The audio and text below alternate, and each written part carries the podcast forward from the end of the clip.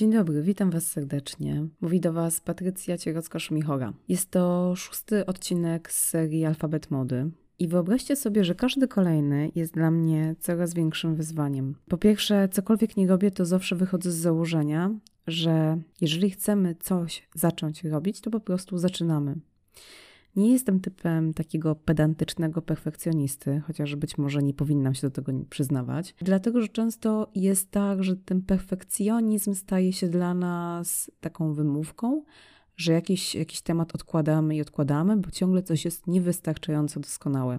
To chyba dokładnie tak jak z takim syndromem, nie wiem czy pamiętacie z liceum, ale ja wtedy tak miałam, że najpierw posprzątam pokój, a potem się pouczę. Zresztą na początku mojej kariery zawodowej też tak miałam. Najpierw posprzątam showroom i uporządkuję te tkaniny, a potem zajmę się projektowaniem albo, nie wiem, analizą danych, cokolwiek. E, często jest tak, że wtedy tak długo sprzątamy, że okazuje się, że już tego czasu na naukę czy na pracę nie ma, więc, więc postanowiłam sobie, że cokolwiek nie będę robiła, to przygotuję się, ale nie będę doszukiwała się w sobie takiej perfekcji i zacznę. I w toku prac nad danym projektem będę się starała poprawić, będę wyciągała wnioski, będę się uczyła i w taki sposób, no cóż, skuteczność jest znacznie mm, większa, bo po prostu działamy. No ale nagle w tym szóstym odcinku zaczęłam dostrzegać, w tym, który teraz nakręcam, zaczęłam dostrzegać problemy, których wcześniej nie widziałam, a które chyba są często typowe właśnie dla osób, które mają coś zacząć, czyli yy, właśnie stałam się pedantycznym perfekcjonistą. Na początku było tak, że okej, okay, zaczynamy, to zaczęłam nagrywać, e, ale ten odcinek wyobraźcie sobie, że nagrywam już po raz czwarty albo po raz piąty pierwszej wersji zaczęłam zbyt poważnie. Oczywiście każdą z tych czterech wersji, które nagrałam, nagrałam w pełnym wymiarze czasu, czyli około 30 minut. E, I co? I w pierwszej wersji stwierdziłam, że przedstawiłam się zbyt poważnie, a przecież ten podcast, mimo że jest pod nazwą marki, to jest to podcast jednak bardzo osobisty i nie powinnam się tak poważnie przedstawiać, bo potem osoba, która słucha może po raz pierwszy szósty odcinek, na podstawie tego poważnego wprowadzenia uzna, że, że jednak e, to jest zbyt, nie wiem, sztywny podcast dla niej. Więc e, cały podcast półgodzinny usunęłam i zaczęłam po raz drugi nagrywać ten szósty odcinek. Ale wtedy, słuchajcie, uznałam, że przedstawiłam się zbyt nonszalancko. A przecież mimo, że tutaj opowiadam o, o biznesie modowym w sposób bardzo osobisty, to jednak jest to podcast marki, więc nie mogę być zbyt wyluzowana i zbyt nonszalancka. Więc usunęłam drugą całą wersję półgodzinną i zaczęłam trzecią nagrywać. W tym trzecim nagraniu, no cóż, miałam ton taki trochę przemądrzały, więc uznałam, że nie chcę takiego podcastu puścić w świat, bo jakkolwiek sama słyszałam, że mówię tonem przemądrzałym, to Was zapewniam, że, że nie jestem osobą przemądrzałą, nawet jak w sytuacjach, kiedy ta adrenalina jest na wysokim poziomie, tak się może wydawać, więc skasowałam ten trzeci, trzeci odcinek, trzecie nagranie. No i zaczął się czwarty.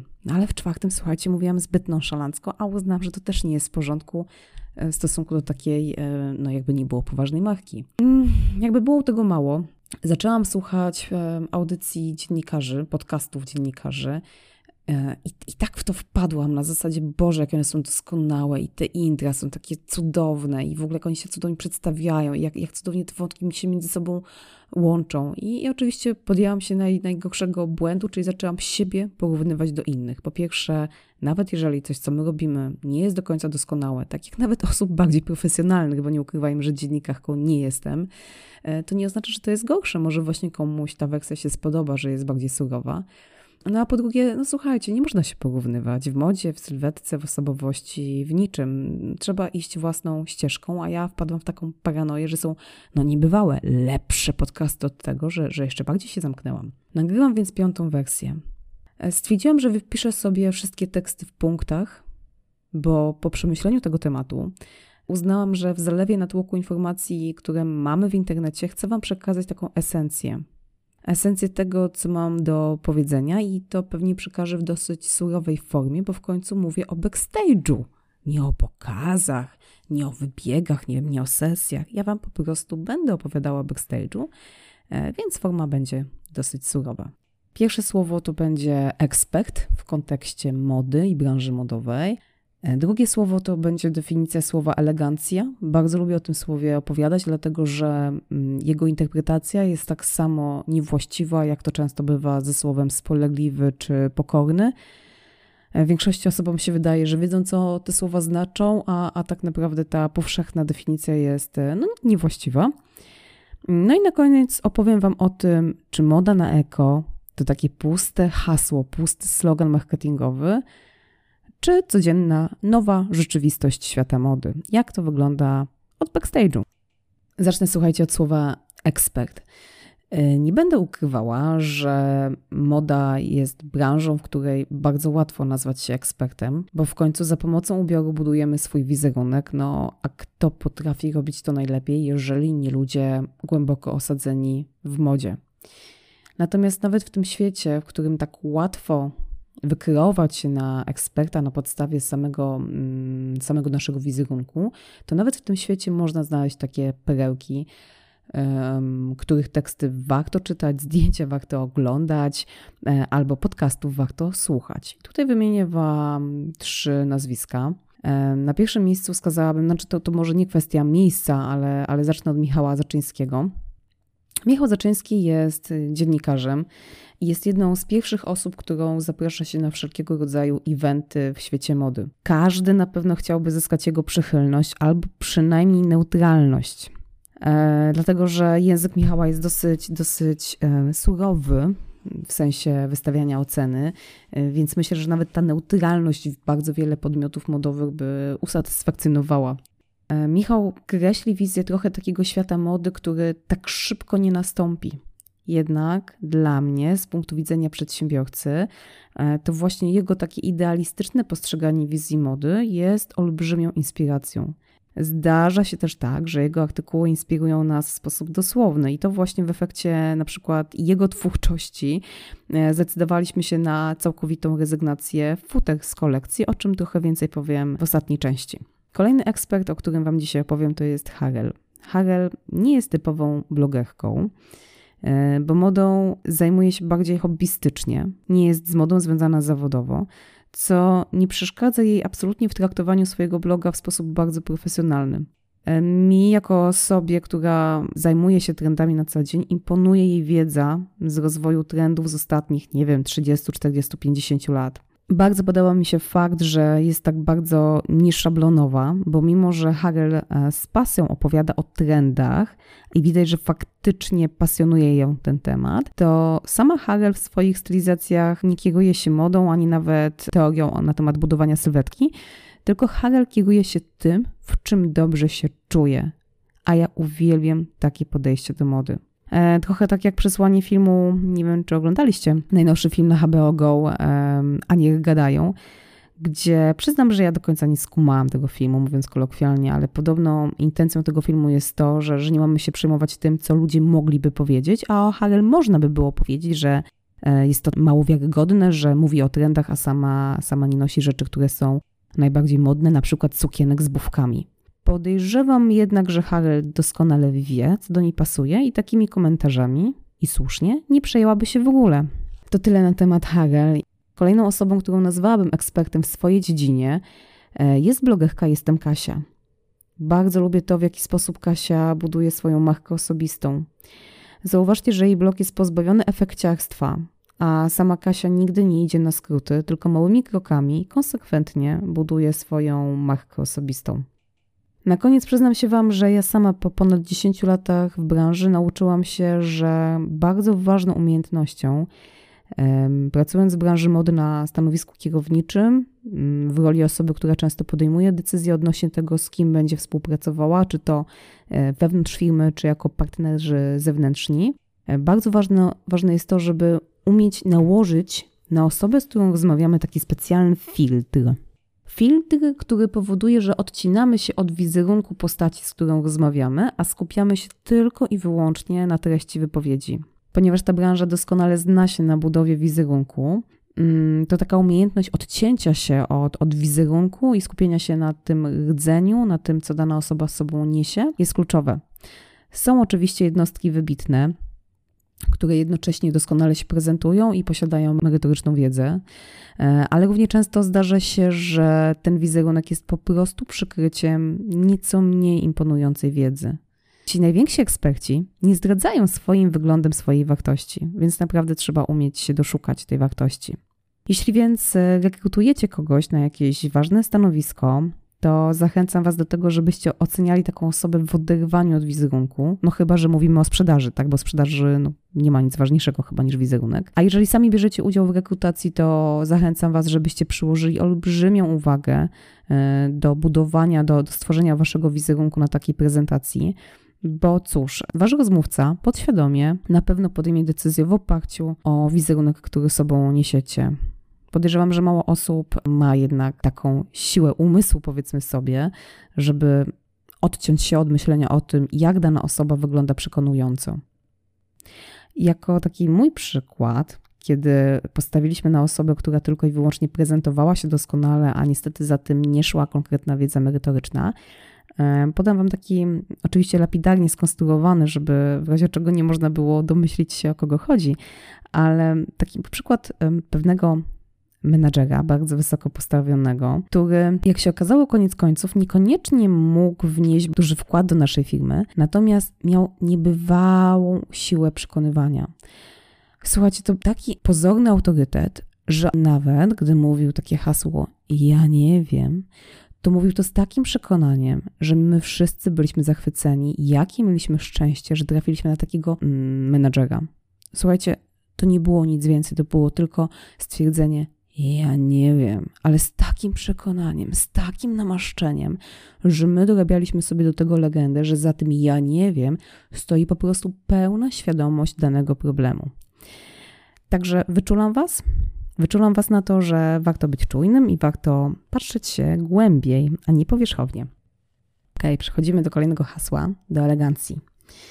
I tutaj może zabawimy się w taką grę, że ja podam Ci dwie kreacje, a Ty mm, zgadnij, która z nich jest bardziej elegancka. Pierwsza kreacja to jest długa suknia wyszywana kryształami. Druga kreacja to jest szary garnitur. A więc, Twoim zdaniem, która z tych rzeczy jest bardziej elegancka? Odpowiedź brzmi: to zależy na jaką okazję.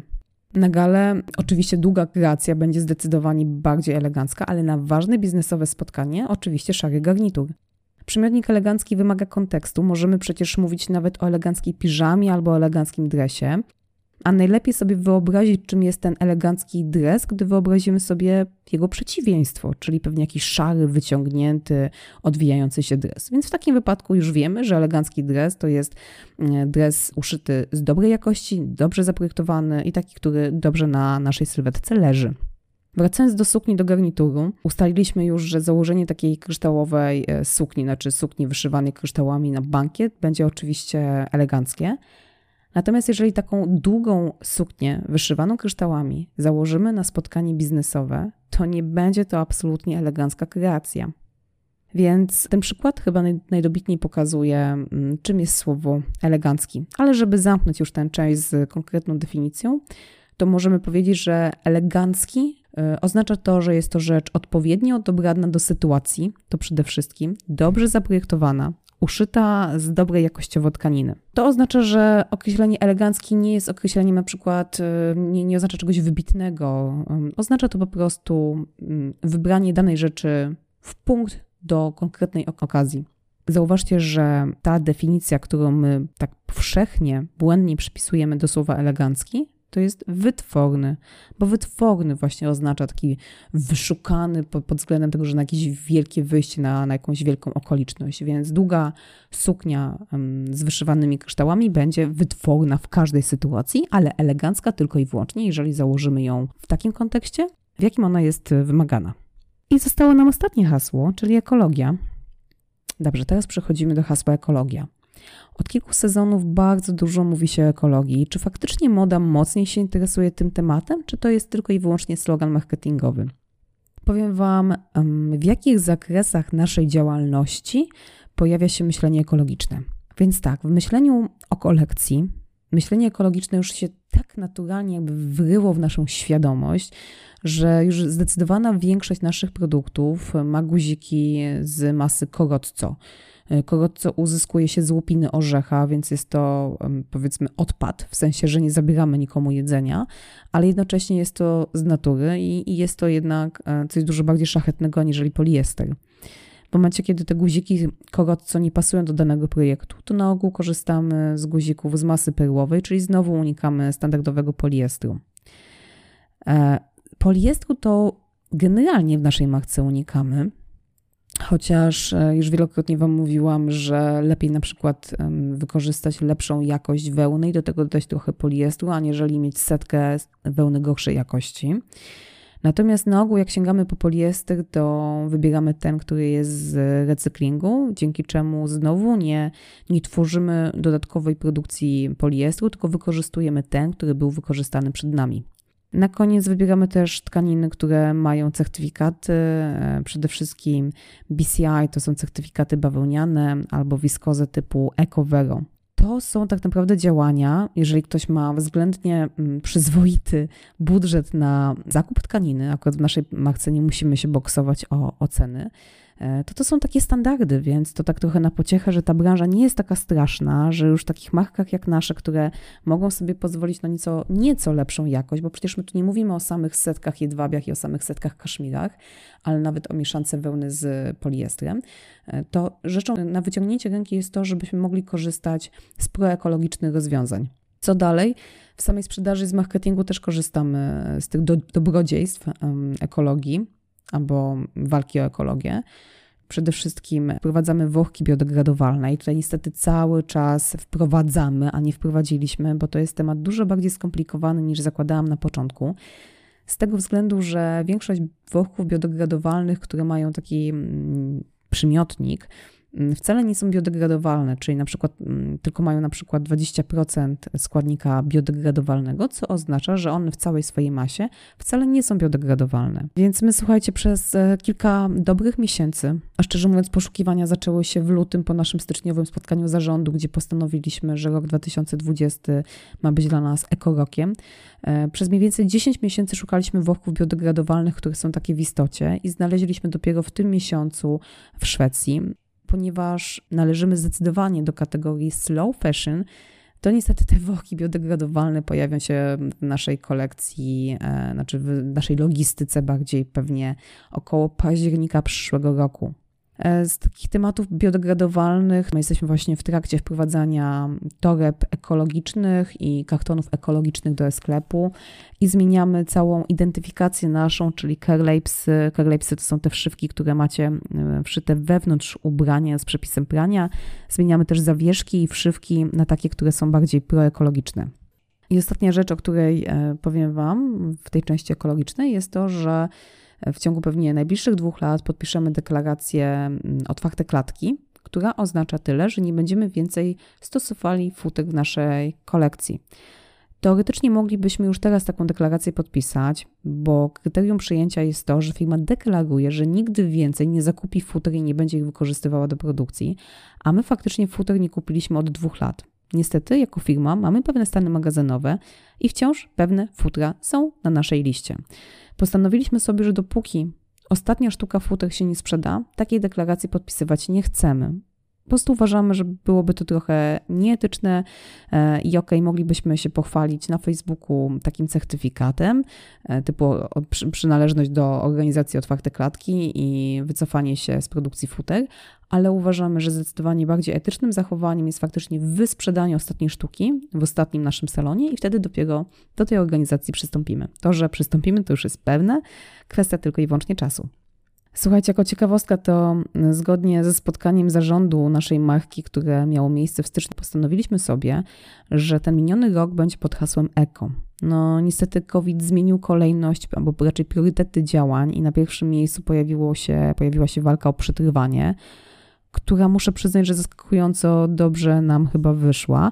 E, co nie zmienia faktu, że mm, nie chwali się dnia przed zachodem słońca i przez cały rok bacznie pilnowaliśmy, żeby utrzymać płynność, żeby firma się rozwijała w taki sposób zdrowy. I niestety mm, filozofia eko zeszła na drugi, a nie na pierwszy priorytet. Jednak nawet w takich realiach zobaczcie, jak dużo działań ekologicznych e, firma modowa jest w stanie mm, generować. To pokazuje, że ekologia dziś jest hasłem powszechnym i obecnym w branży, a nie tylko i wyłącznie sloganem marketingowym. Słuchajcie, to już koniec dzisiejszego odcinka. E, mam nadzieję, że te hasła Wam się spodobały. Jeżeli macie jakieś pytania, to zachęcam Was gorąco, żebyście wysyłali mi je na przykład na mojego Instagrama, którego możecie znaleźć w opisie konta. I ja z wielką chęcią będę się do nich ustosunkowywała na przykład w kolejnych odcinkach. Tymczasem dziękuję Wam bardzo i do usłyszenia. Pozdrawiam.